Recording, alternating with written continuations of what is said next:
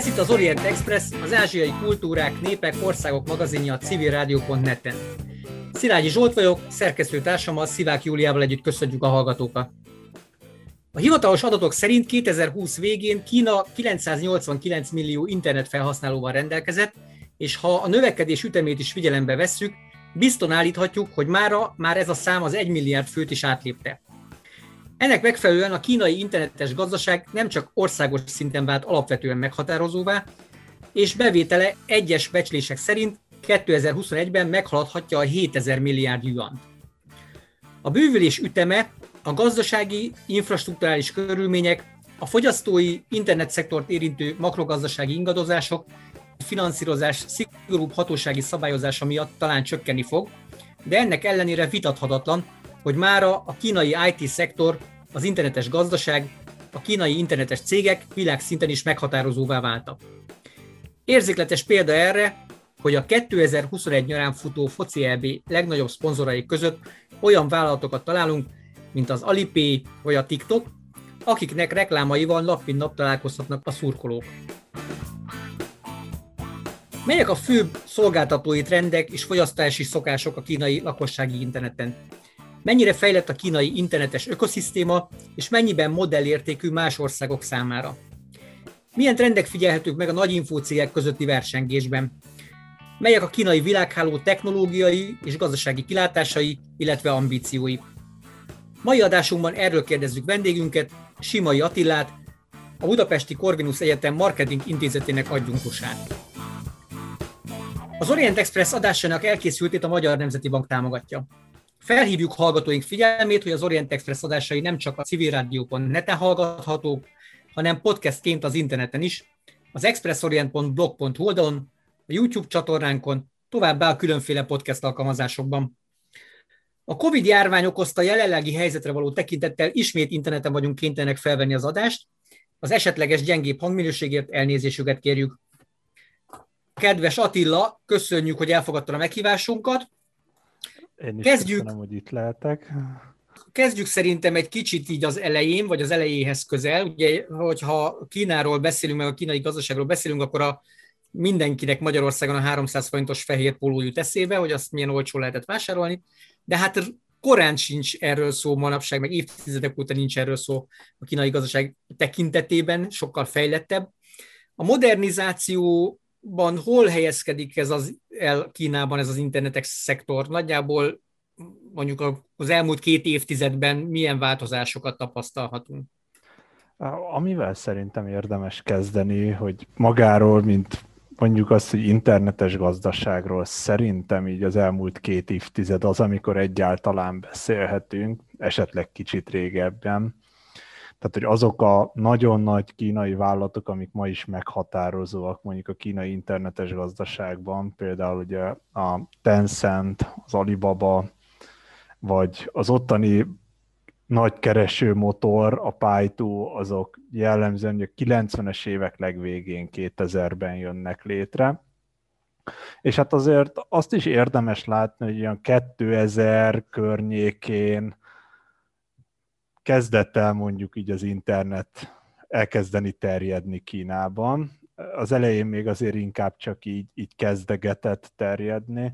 Tehát azért érdemes megjegyezni, hogy 2000-ben Kínában az úgynevezett internet penetráció, tehát hogy 100 kínaiból mennyinek volt internete, az 1,8 százalék volt. Tehát, hogy a, Kína egy nagyon nagy ország, nagyon sok emberre, de ha az arányokat nézzük, akkor azért az ezredfordulón ez még egy nagyon, mondjuk azt, hogy alacsony számot tett ki.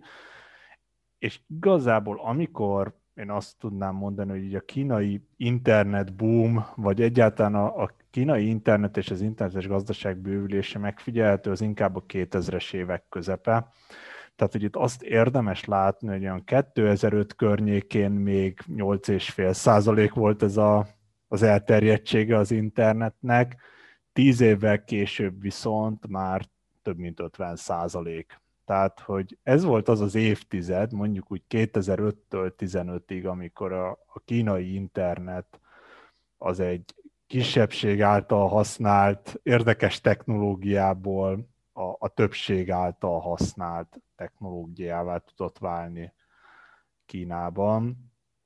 És hát egyébként folyamatosan azóta is nő, tehát hogy a bevezetésben elhozott most már ugye van egy milliárd internet használó, ez körülbelül a kínai népességben, ha a 70%-os penetráció az, amit uh, nagyjából jelent, és innen még értemszerűen még mindig lesz hova fejlődni, tehát hogy uh, innen még azért mondjuk Észak-Amerika, vagy Európa, és akár beleértve Magyarországot is, ennél még jobb az internet elterjedtsége bizonyos korosztályokban.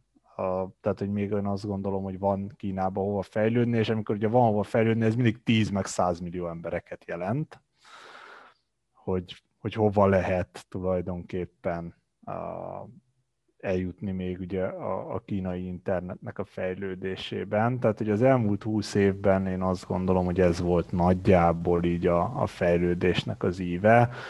2015 óta mindig egy néhány százalékot növekszik, tehát én is biztos merem állítani, hogy most már túllépte az egy milliárdot, de ez már csak évi pár százalék növekményt jelent. Hogy hol lehet a felső határ, azt, azt lehet, hogy tíz év múlva fogjuk csak meglátni. Város-vidék viszonylatban azért elég jelentős eltérések vannak, de hogy ez az eltérés, ez milyen mértékű, arról van valami információnk, meg engem az is érdekelne, hogy mondjuk generációs szempontból milyen csoportokat tudunk megkülönböztetni. Vagy... Az pontos adatokkal ezzel kapcsolatban így nem készültem. Azt azért érdemes látni, hogy a nagyvárosokban jobb az internetes helyzet, tehát ha majd oda fogunk kanyarodni, akkor az 5G sem véletlenül a kínai nagyvárosokban indul el. Tehát, hogy azért mondjuk azt, hogy a városvidék az, az megjelenik az infrastruktúra építésben, és én azt gondolom, hogy még egy dolog, amit itt ugye fontos megjegyezni, hogy ez az internet ugye mennyiben vezetékes, vagy mennyiben mobil internet.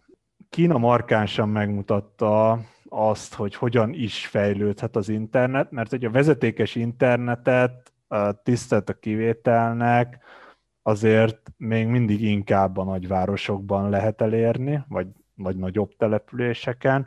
Viszont az, hogy ennyire tudott nőni a kínai internet használat általában az annak köszönhető, hogy viszont a mobil hálózatok és a mobil eszközök, azok viszont abszolút elértek a mondjuk azt, hogy a végekre, vagy a, vagy a falvakba is.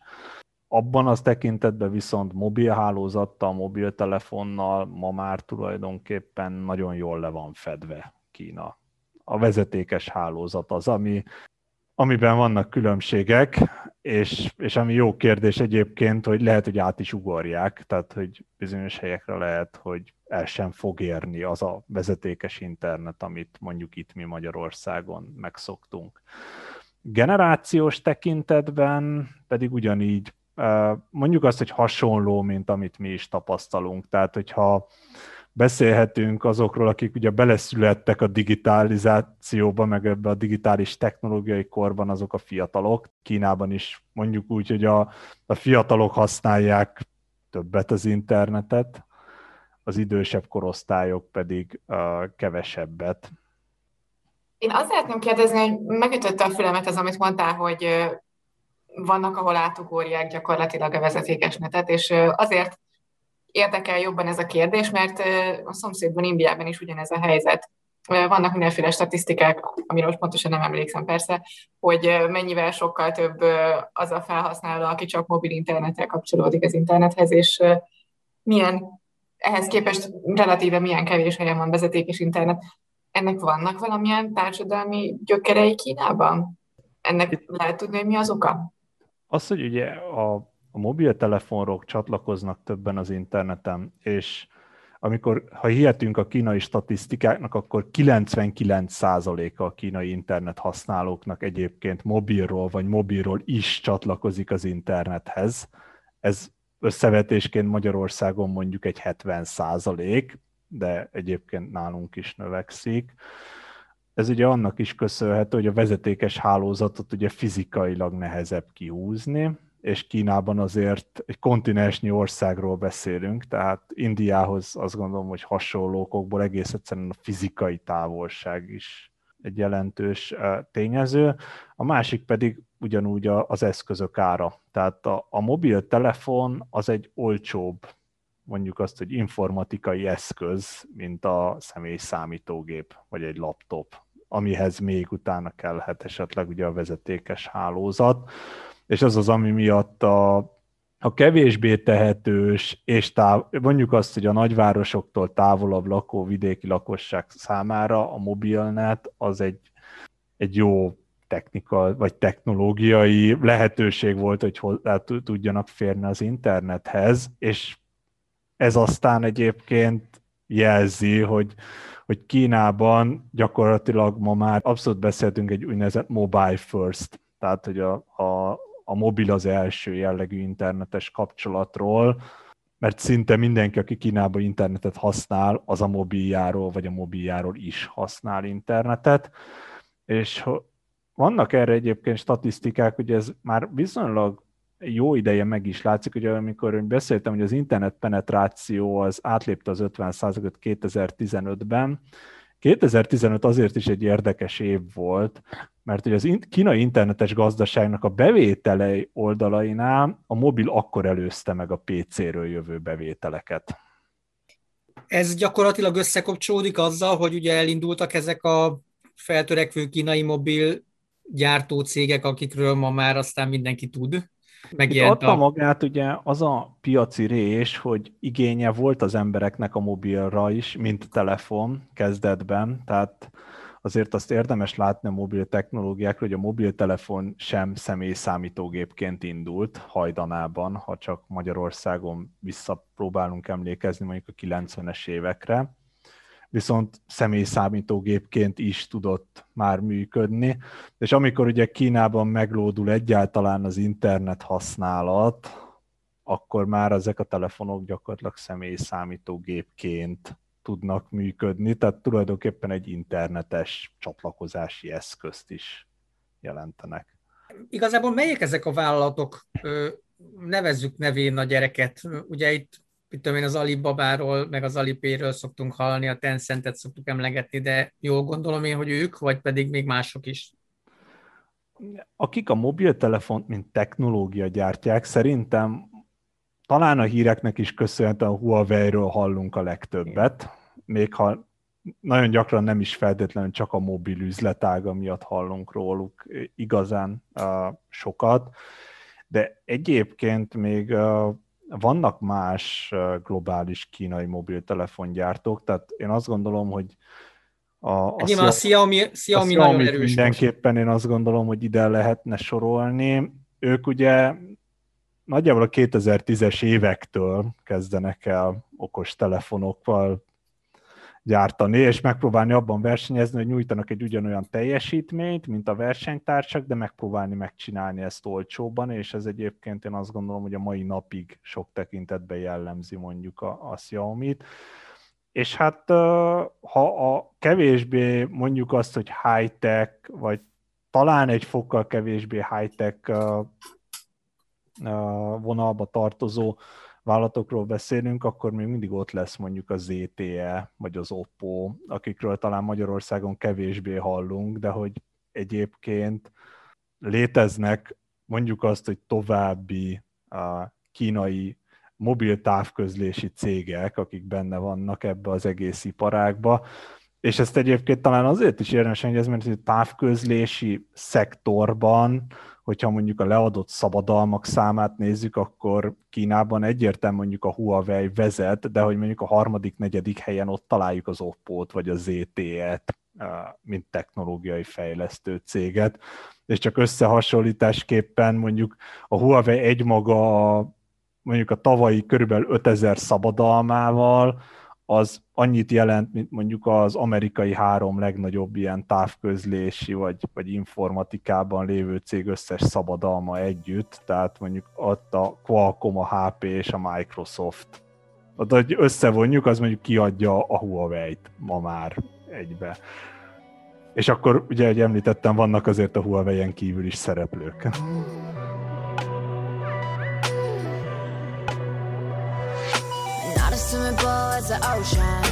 Diving that cash like I'm chosen. Now my 24 karat got you frozen, yeah. Put the boy on a shit yosen, yeah. Hit me on the surface, let lurking. Overhit it up, then gon' make me nervous. 水里呼吸着闪动不属于我的翅膀，Lucifer，不要慌，这不是我的名字，Now Now we got start the fish and bite me another round. Diamonds on me like I'm fresh out of water. I'm Marina, really, Ez itt az Orient Express, Simai Attilával beszélgetünk a kínai internetről, a kínai mobil szolgáltatókról, az kínai internetes ökoszisztémáról.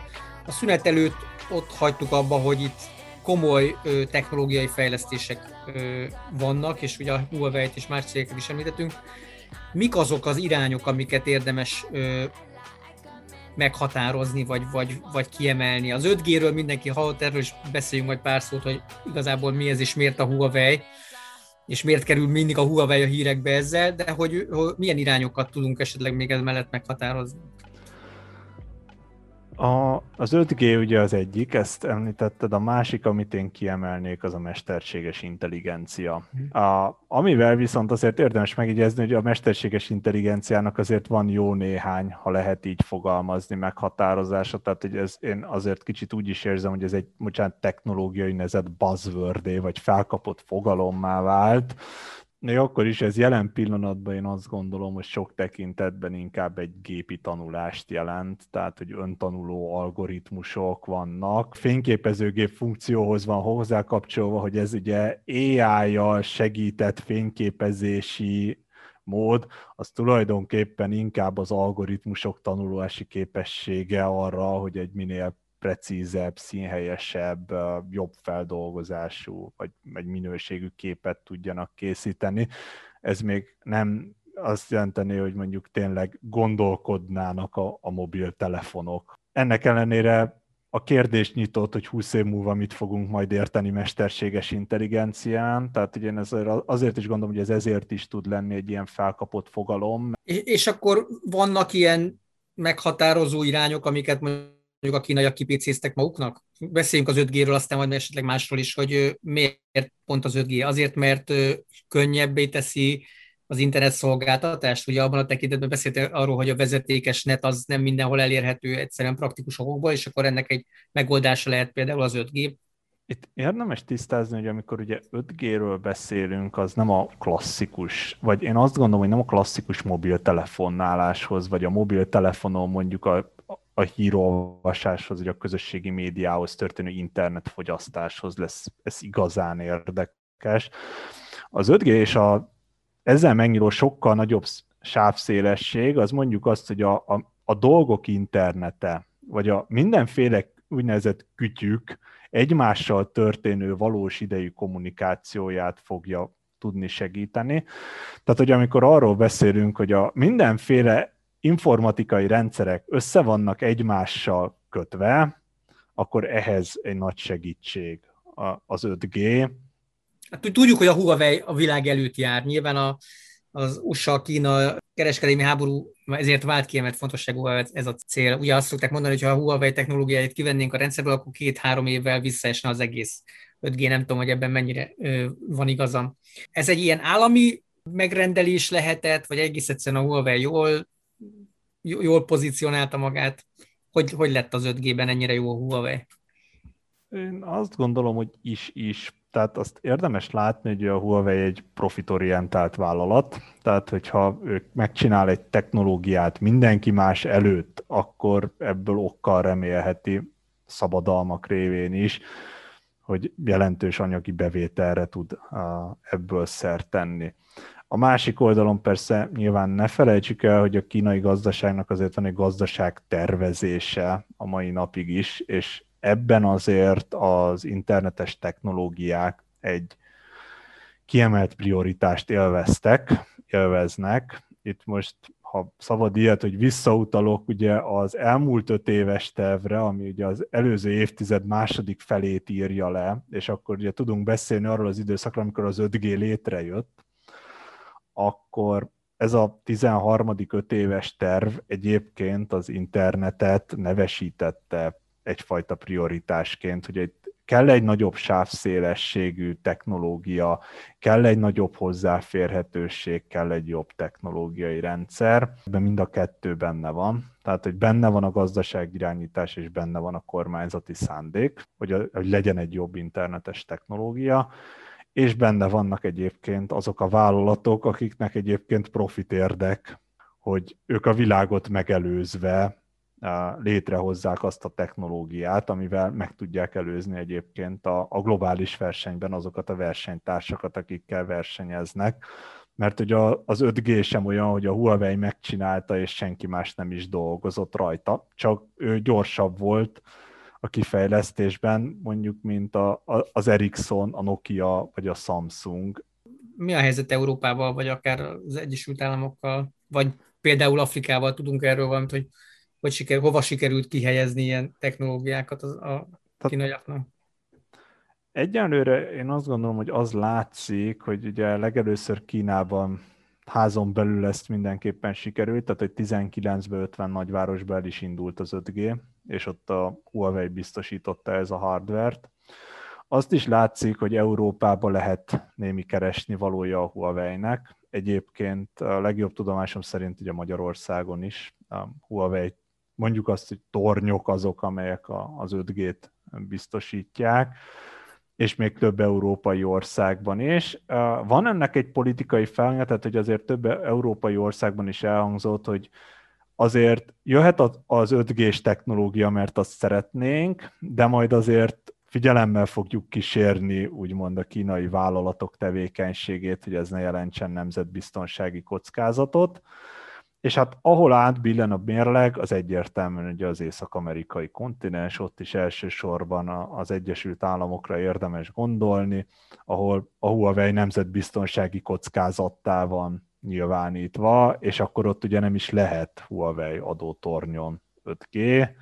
Itt persze érdemes azt is látni, hogy a 21. században az adat az új arany, akkor, akkor okkal mindenfél tart azért nagyon gyakran attól, hogy ha más szereplő is bekerül a rendszerbe, és az ő tornyán fog átmenni az adat, akkor esetleg ezek az adatok nem kerülnek el illetéktelen kezekbe, vagy sem. Hogy ezek a félelmek mennyire igazak, vagy mennyire véltek, ezt pedig nagyon gyakran nehéz megmondani külső, külső szemmel. 把早餐放进陶瓷碗，Made in China。擦唇膏出门打气伞，Made in China。坐在公司里，呜，旋转办公椅，呜，三百六十度，呜，熟悉零级，呜，钢笔画了一朵莲花，Cookie 需要放在夜吧，相框里面框住全家，全部 Made in China。全身上下总有中国货，压力上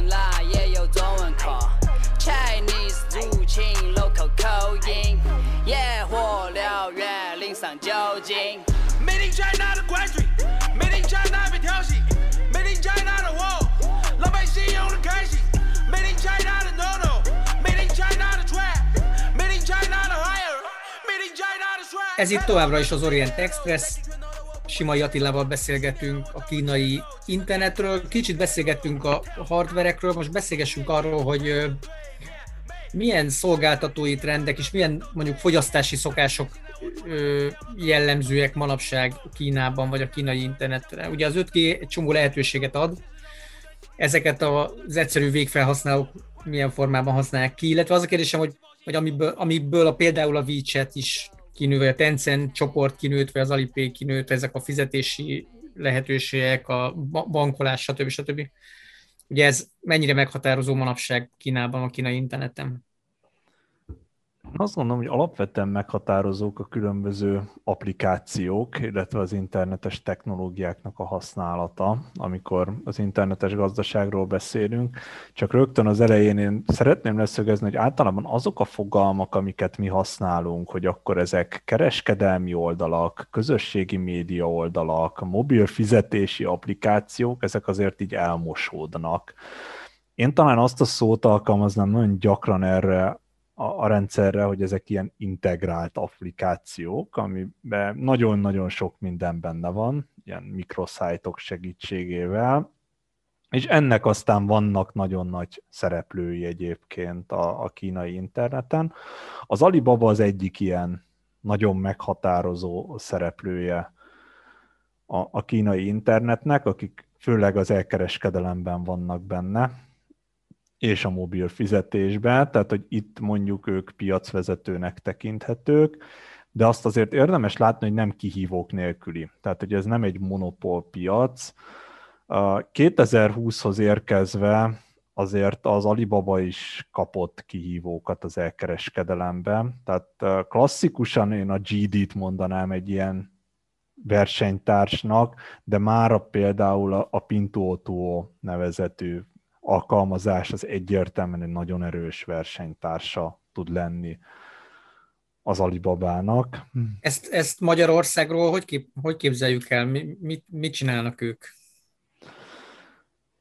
Valahogy úgy kéne elképzelni az ilyen applikációkat, hogy ez egy ilyen mindent egybe, tehát hogy lehet írni benne kommenteket, meg az ismerősökkel meg lehet osztani tartalmakat, meg lehet vásárolni, meg is lehet vásárolni ezeket a dolgokat, és egyébként egy pár gomnyomással ki is lehet fizetni, mert van egy virtuális bankszámlám például ehhez az applikációhoz hozzá kapcsolva. Például a leg széles körülben használt applikáció, mint WeChat, amit nagyjából minden kínai használ, ott a közüzemi számlákat is be lehet vele fizetni, meg lehet vele taxit is hívni, és azt is ki lehet fizetni, miközben egyébként közö, klasszikus eredet a közösségi médiából ered, tehát hogy fényképek keretében, mint itt Magyarországon mondjuk az Instagramon meg tudnánk osztani életünk különböző pillanatait a barátokkal, vagy különböző ismerősi csoportokkal, meg, meg csetelhetünk rajta, mint mondjuk egy klasszikus chat programban, amiben talán Magyarországon a Facebook Messenger az, ami a legtöbbek által használt. És mondjuk a WeChat azért hát átszivárgott már a határon, mert ugye az mondod, hogy szinte minden, vagy valószínűleg minden kínai internet felhasználónak van WeChatje, de én azt mondanám, hogy igazából Kelet-Ázsiában minden felhasználónak van, van WeChatje. Nyilván ez túlzás részemről, de hogy egy, egy nagyon fontos fórumá vált a WeChat által nyújtott chat lehetőség, és nyilván ezen keresztül aztán külföldieket is bevonzanak abba a rendszerbe, ami aztán a mobil fizetéssel és minden mással jövedelmet is termel. Igen, de azért látni kell, hogy ugye vannak nagy játékosok a, a kínai interneten. Ezek a nagy játékosok azért nem is titkolják, hogy nem biztos, hogy csak Kínában szeretnének nagy játékosok lenni. Legfeljebb innen Magyarországról mi kevésbé látjuk őket, és ezért talán egy jobb keret a, a Kelet-Ázsia, mint olyan, mert hogy mi Magyarországon tulajdonképpen a, az amerikai keretet használjuk. Tehát ha belegondolunk, hogy a ha hihetünk a Nemzeti Média és Hírközlési Hatóság adatainak, akkor gyakorlatilag Magyarországon mi közösségi médiaként Facebookot, Instagramot, meg YouTube-ot használunk, egyébként pedig a Google keresővel keresünk, ezek mind az amerikai tekkóriások, akik talán Magyarországon kevésbé vannak jelen, az az Amazon, és már mint úgy jelen, hogy nincs külön magyar aloldala, de egyébként az Amazonról is tudunk Magyarországra rendelni, és hát egyenlőre inkább ez a helyzet, hogy mondjuk az AliExpress-t talán nem kell bemutatni a magyar internet használók közül sem mindenkinek, de hogy annak sincs önmagában egy magyar aloldala a jelen pillanatban, de tudunk Magyarországra rendelni róla. Hosszú távon pedig egy jó kérdés, hogy amikor ők versengenek egymással, akkor meddig tudnak eljutni, mert hogy az a fajta kereskedelmi háború és az utána is még elhúzódó technológiai verseny, amiben miatt egyébként ugye a Huawei-ről is többet tudunk hallani, az azért megnyilvánul abban, hogy nem biztos, hogy a konkurens vállalatokat nagyon mondjuk azt, hogy segítenék a, a rivális gazdasági feleken, tehát hogy az Amazon elérhető Kínában, az egy más kérdés, hogy legutóbbi adataim szerint nagyjából fél százalék a piaci részesedése. Uh-huh. Engem az érdekelne, hogy az Amazonnak miért ennyire kicsi a piaci részesedése. Egyszerűen a kínaiak jobban szeretik azt a zárut, amit Kínába állítanak elő, vagy az gyorsabban az elé, vagy erről tudunk bármit? Én azt gondolom, hogy részben ugye a kínaiak voltak az elsők a kínai piacon, és ez egy, bocsánat, marketing szempontból azt mondanám, hogy egy nagyon fontos uh, momentum, hogy ki az első mert mindenki más már ugye tulajdonképpen hozzájuk kell, hogy igazodjon, és ebből a szempontból na, itt volt egy elsőbség.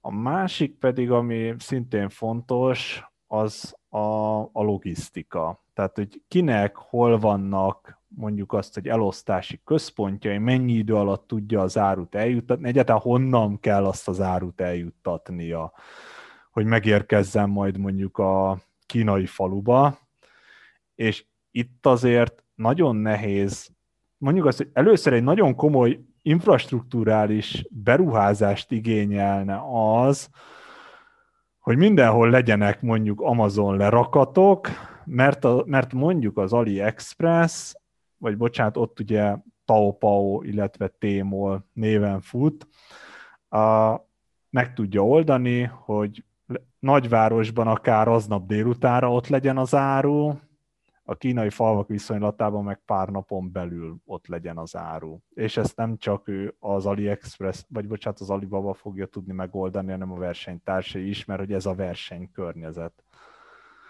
Ha az Amazonnak ehhez Amerikából kell átreptetnie az árut, ami majd megérkezik Kínába, amit majd egyszer eljuttatnak a nem mondjuk nem nagyvárosi vásárlók részére, az egy nagyon komoly versenyhátrány, ha a fogyasztó ahhoz van hozzászokva, hogy lehetőleg aznap délutára, de másnapra jó eséllyel a kezében fogja fogni az árut. Említetted, hogy aki az első, az szabja meg nagyjából az elvárásokat. Láthatunk különbséget a között, hogy mondjuk az Amazon hogyan próbálja eladni saját magát Kínában, mint mondjuk Európában vagy Amerikában? Tehát vannak marketing szempontból ilyen különbségek?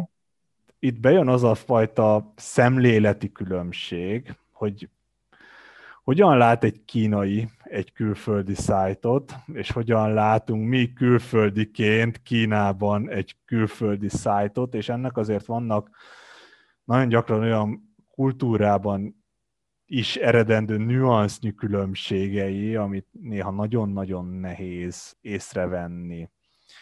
És itt nagyon ne, és itt bele kéne látni ugye nagyon gyakran a kínaiak fejébe, hogy mennyit számít az, hogy az Amazon az ugye láthatóan egy amerikai vállalat, és sok tekintetben ugye az angolt meg egy amerikai standardet próbál átültetni egy kínai piacra, ami nem egészen úgy működik, vagy a kezdet-kezdetén mindenképpen nagyon gyakran így próbálkoztak vállalatok, és ez nem igazán lett sikeres. Mert a kínaiak nem egészen ugyanúgy gondolkodnak, nem egészen ugyanúgy használják az internetet sem.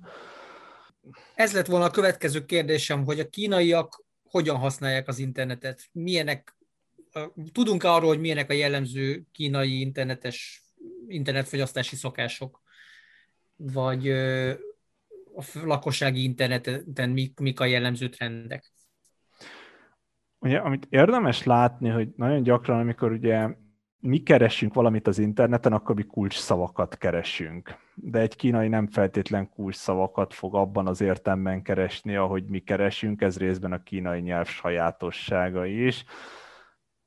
És mondjuk azt, hogy a nyugati technekben nagyon gyakran mostanában jutunk el oda, hogyha mi, mi teljes mondjuk azt, hogy mondatokat, kérdéseket ütünk be, akkor arra remélhetőleg mondjuk releváns válaszokat ad ki nekünk egy kereső.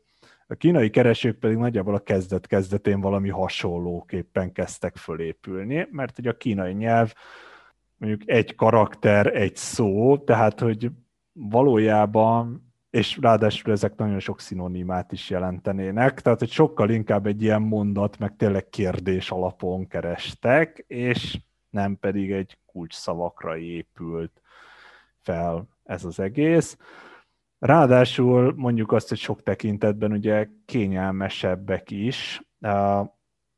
Tehát, hogy most már ugye van egy olyan rendszer, hogy lehetőleg mindent viszonylag gyorsan meg is tudnak kapni, a futár ki fogja hozni, ez ugye részben kényelmesebb is nagyon gyakran, még a, a pandémia előtt is, mert hogy egyébként nagyon sok az autó, nehéz leparkolni a plázába, lehet egyébként nagyon sok idő eljutni egyáltalán a plázáig, ha, ha lehet így fogalmazni, és akkor egyszerűbb a, az online vásárlás.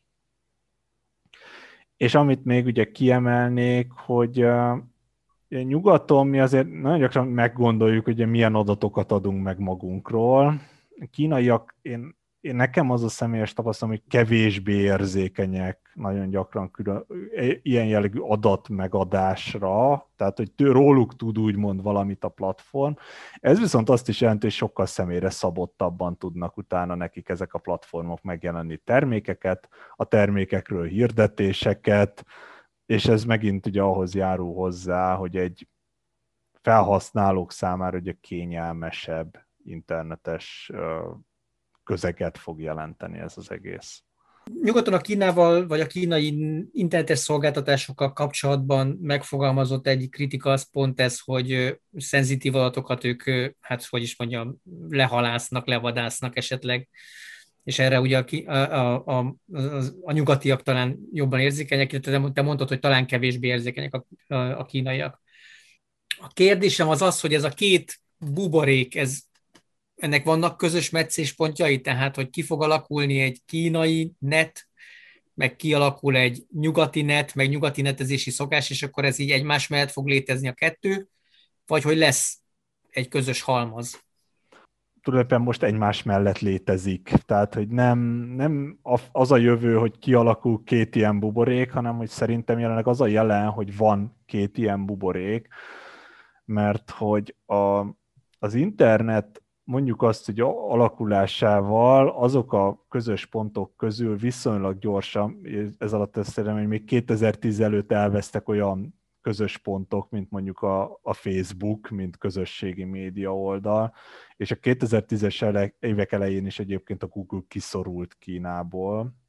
Tehát, hogy megszűntek ezek a fajta hidak, tehát, hogy a 2010-es évtizedben szerintem ez a, a jelen, hogy kialakult két ilyen párhuzamosan létező internet. Tehát, hogy mi ugyan az internetet világhálóként is hívjuk magyarul, de hogy nekem az az érzésem, hogy ez a világháló valójában inkább ilyen lokális hálókat jelent nagyon gyakran, amiben a kínai is egy olyan lokális háló, amiből mi nagyon keveset látunk és értünk meg, nyelvi korlátok miatt is, meg a platformok különbözőségeként is, egyébként pedig ezek amúgy léteznek egymás mellett, és ezt azért fontos megjegyezni, hogy amikor az interneten úgymond legnagyobb vagy legfontosabb nyelvekről beszélünk, nagyjából mondjuk minden negyedik tartalom angolul van az interneten, de körülbelül minden ötödik alkalom, vagy most hát ötödik tartalom pedig kínaiul van, és mindenki föltette a kérdést, és egyébként ha az internet egyötöde kínaiul van, abból mi mennyit ismerünk itt Magyarországon?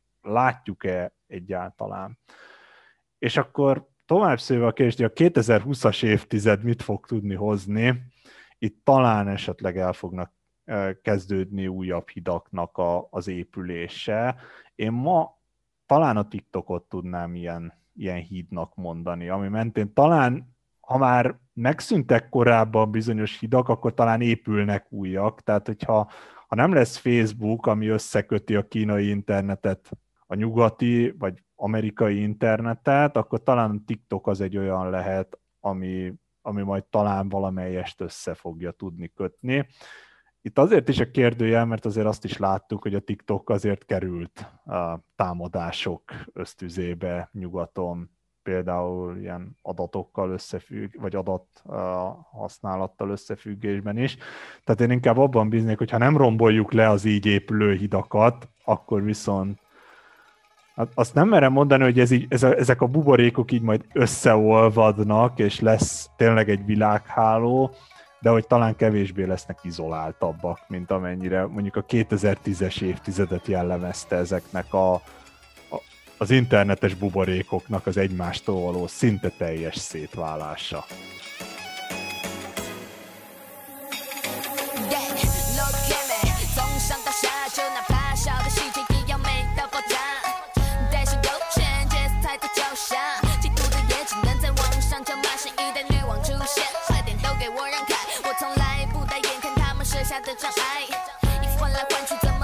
选择头疼整理好心情再踩下油门。女王的新衣耀眼的星星时尚的精英搭配什么看我的心情？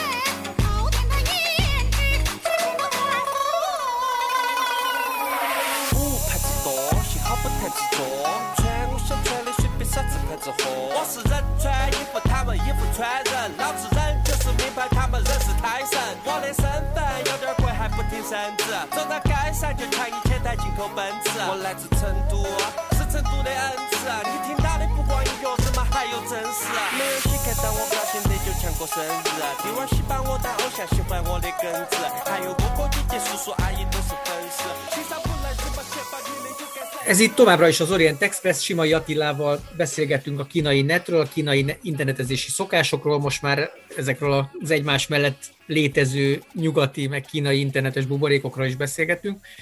Az előbb említetted a nyelvet, ami szerintem egy nagyon fontos kérdés. Egyetlen egy rövid példát hagy mondjak, hogy mire gondolok. Ugye amikor elindult a net, és egyre többen kapcsoltak a világhálóhoz, akkor ugye az evidens volt, hogy angolul próbáltak csatlakozni. Ez nagy kisebb nyelvek képviselői nehezen nehezebben csatlakoztak, ha csak nem tudták az angolt használni, de hogy ennek olyan hatása is volt például Mongóliában, hogy felvetődött már többször, hogy a mongol nyelvet latin betű sátírással írják le. Ennek nem volt igazi szabályrendszere, de rákényszerítette valahogy a mongolokat a net használat arra, hogy kitalálják, hogy milyen módon írják át a mongol nyelvet latin betűvel, és tulajdonképpen erre aztán később reagált maga a mongol tudományosság is, hogy legitimálták ezeket a, ezeket a módosításokat.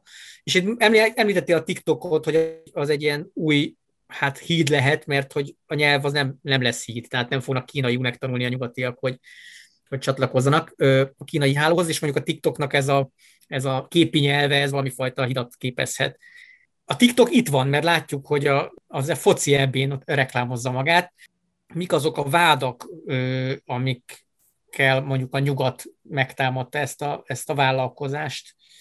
Ugye részben ugye azt is látni kell, hogy mind egyébként a, az Egyesült Államokban egy úgynevezett COPA nevezetű szabályozás, mind pedig a, itt Európában talán ugye a GDPR az azért érzékenyebben kezeli például ugye kifejezetten gyerekek vagy fiatalkorúaknak a, az adatait, és azt, hogy egyébként aztán például most marketingesként ezt milyen reklámot, vagy egyáltalán lehetne nekik reklámot megjeleníteni.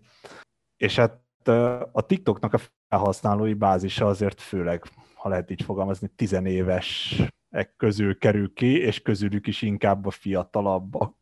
Ami azért így, így fölvet sok mondjuk azt, hogy adatkezelési vagy, vagy, vagy egyéb ugye adat vagy személyiségi jogi kérdést is, hogy, hogy akkor mi, mit is, milyen adatot is gyűjthet be róluk egy vállalat, és ezt hogyan is használhatja föl, és ugye a TikTok esetében is ugye ez az egyik ilyen probléma, hogy, hogy mennyire mondjuk azt, hogy védi meg a privát szféráját, meg az adatait a felhasználóknak, különös tekintettel akkor, hogyha ugye gyerekekről van szó, vagy 13 év alattiakról, 14 év alattiakról, vagy hogy egyáltalán lehetővé kéne nekik tenni. Tehát, hogy vajon szabadna-e, hogy tíz éves gyerekek egyáltalán regisztrálhassanak ugye egy közösségi média felületre, mert hogy a közösségi médiában azért nem minden csak ugye a pozitivizmusról szól, hanem hogy azért annak vannak árnyoldalai, és a,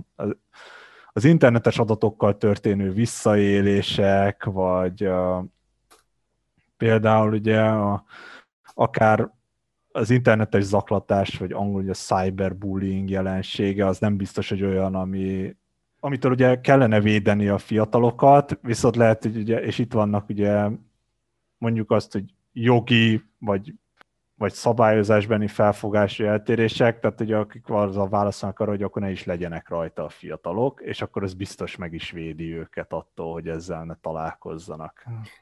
És a, és a szabályozás tekintetében miben térnek el jellemzően a kínaiak? Kicsit szabadabban kezelik ezt a kérdést, és mondjuk kevésbé, ahogy korábban is említetted, hogy kevésbé zavarja őket, hogyha személyes adatokhoz hozzáférnek, akár az, hozzáfér akár az applikáció, akár mások, mert a következő kérdésem az nyilván majd az állami szerepvállalás lesz, de hogy egyelőre a kérdésem az, hogy a szabályozás az mennyiben tér el a nyugatitól. Ilyen szempontból azért szeretném azt, hogy a, ha a törvényi kereteket nézzük, akkor ugye Kína is védi a, az összes állampolgárt, és egyébként ebbe beleért különös teint egyébként a gyerekeket is, hogy azért mit lehet és mit nem lehet. Tehát én azt gondolom, hogy a szabályozási elvekben nem fedezhetünk fel nagy különbséget mondjuk Kína meg a nyugati világ között. Az már egy megint nagy kérdés, ugye, hogy miből mi tud megvalósulni. Itt viszont ugye nagyon gyakran abba mondjuk hiányosságba fogunk beleütközni, hogy Magyarországon sem tudjuk igazán számszerűsíteni, vagy jól számszerűsíteni, hogy vajon hány fiatal korú csalja el a regisztrációkor az megadott életkort, és x be, hogy ő elmúlt valahány éves, ezért föl lehet egy platformon, ahol nem lehetne fenn. Ugyanez a problematika fennáll az Egyesült Államokban, ugyanez a problematika fennáll Kínában is, és erről nagyon nehéz utána adott, vagy konkrét adatokat szerezni. Egész konkrétan hány olyan család lehet, ahol a gyerek a szülők tudtával, vagy a tudta nélkül, de hogy megkerülik igazából azt a szabályozási szándékot, amely egyébként védeni hivatott őket. És az állami részvétel, ugye a másik rendszeresen visszatérő hát kritika Kínával ö, szemben, ez a pontrendszer például, amiről hát azért azt tudjuk, hogy a kínaiak hát másképp látják ezt, mint ahogy a nyugatiak interpretálni próbálják ezt a kérdést.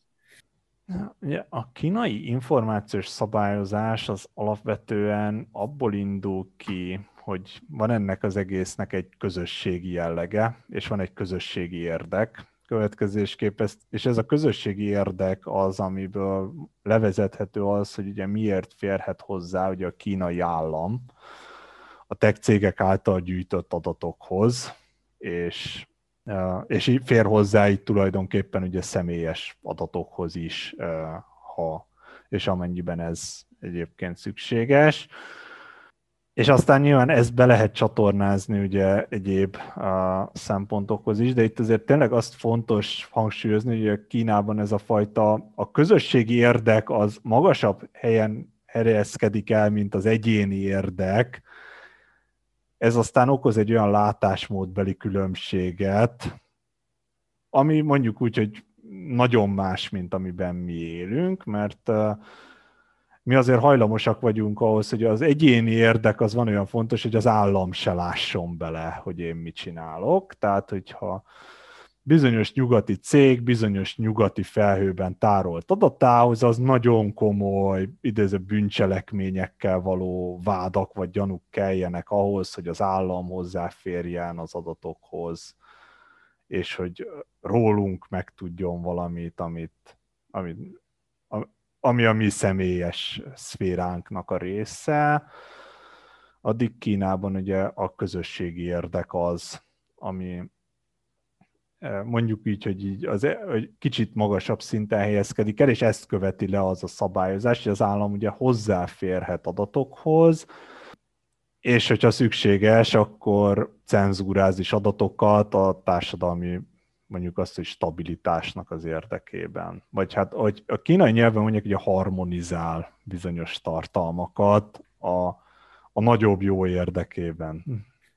De azért azt jól tudom, hogy ennek az elfogadottsága sokkal nagyobb Kínában, mint ahogy mi azt gondolnánk, hogy igen, kínaiak... tehát ezt azért fontos látni, hogy a kínaiak ebbe is szocializálódnak bele, hogy a közösségi érdek egy magasabb szintű érdek, mint az egyéneknek az érdeke, és ebből vezethető le egyébként, hogy miért is férhetnek oda hozzá az adatokhoz, hogy miért van az, hogy bizonyos tartalmak, vagy alkalmasint elérhetetlenné válnak például. És itt szeretném most mondani, hogy többnyire egyébként ugye a társadalmi politikai stabilitással is azért összefüggnek ezek.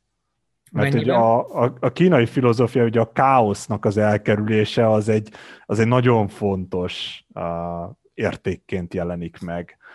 És ebből a szempontból a, kínai állam is ezt a fajta kaotikus állapotnak az elkerülését értékeli nagyon nagyra, és egyébként a kínaiak maguk is így a kaotikus állapot elkerülését értékelik ebben az egészben. Most így a beszélgetésünk vége felé járunk. Egy dolgot mindenképpen szerintem még érdemes lenne kicsit így átgondolni, vagy beszélni róla pár szót, hogy hogy a kínai internetnek, meg a kínai internetes technológiának milyen, milyen gazdasági kilátásai van, milyen ambíciói vannak, hogy mit látunk ebben nagyjából, milyen irányban mozognak ezek a trendek. Én azt gondolom, hogy a, a kínai technológiának a, mondjuk úgy, hogy továbbra is egy fejlesztési prioritás, tehát hogy maga az egész digitalizáció az nem állt meg, sőt. Ugye az egész pandémia Kínából lett legalábbis ugye először regisztrálva, és, és hatott ki rá, és azért az ott is adott egy lökést ennek a, az egész digitalizációnak.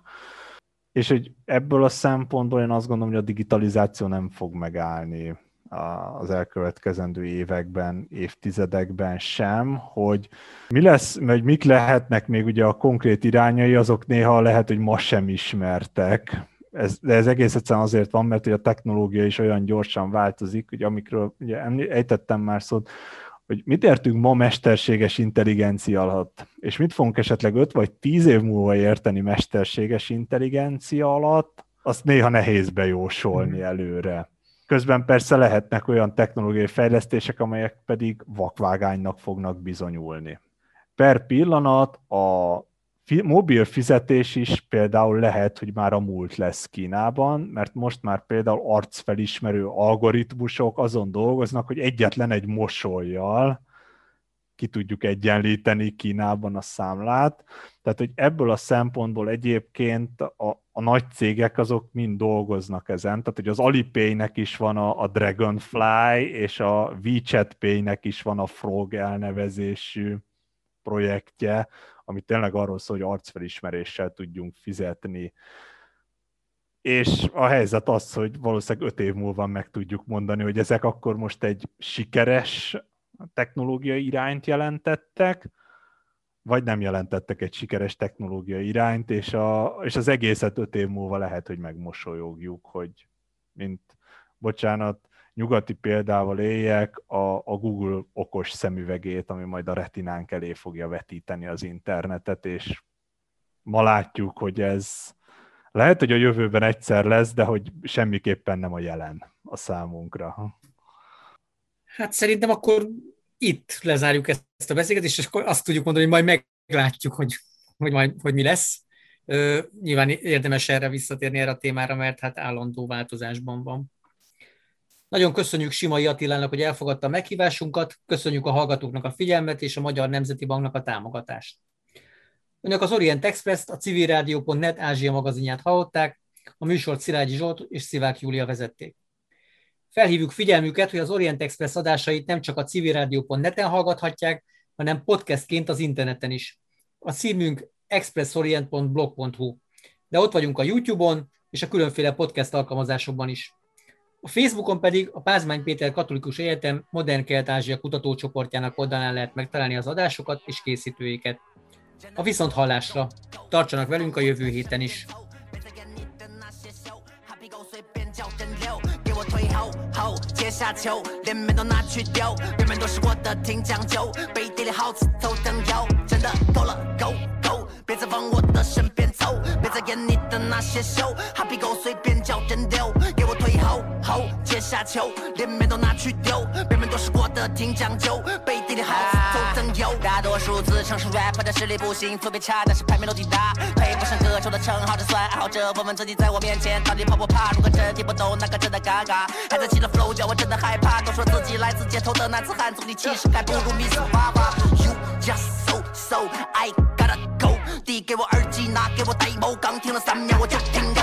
明明你做的就是垃圾，为什么还要假装特别糗？还没学会走路就想爬楼，放心吧，摔倒会先磕头。就像前辈说的，如果真的是比说唱真的强你好几倍，如果真的比你先完蛋的话，OK，那就算我背。哒哒哒哒哒哒哒哒哒哒哒哒哒哒哒，真的挺烦没功力的快嘴。说唱的艺术不是武术，兄弟求你别让我觉得这么累。真的够了，Go Go，别再往我的身边凑，别再演你的那些秀，哈皮狗随便叫人溜，给我退后后接下球，连面都拿去丢，别人都是过得挺讲究，背地里好吃头等油。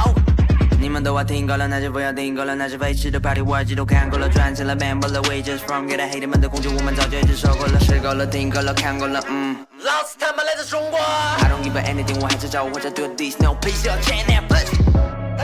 是有人要 do，丢来先输，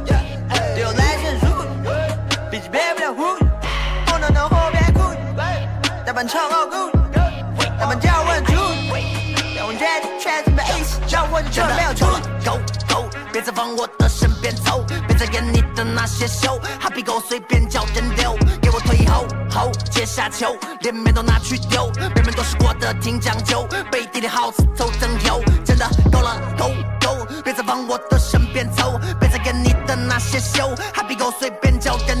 溜，给我退后后接下球，连面都拿去丢，别人都是过得挺讲究，背地里好吃头等油，哈哈。Yeah，够了够了够了够了够了，哎，够了够了够了，啊，Yeah Yeah Yeah Yeah 真的够了够够，别再往我的身边凑，别再演你的那些秀，哈皮狗随便叫人溜，给我退后后接下球，连面都拿去丢，表面都是惯的挺讲究，背地里耗子头等油。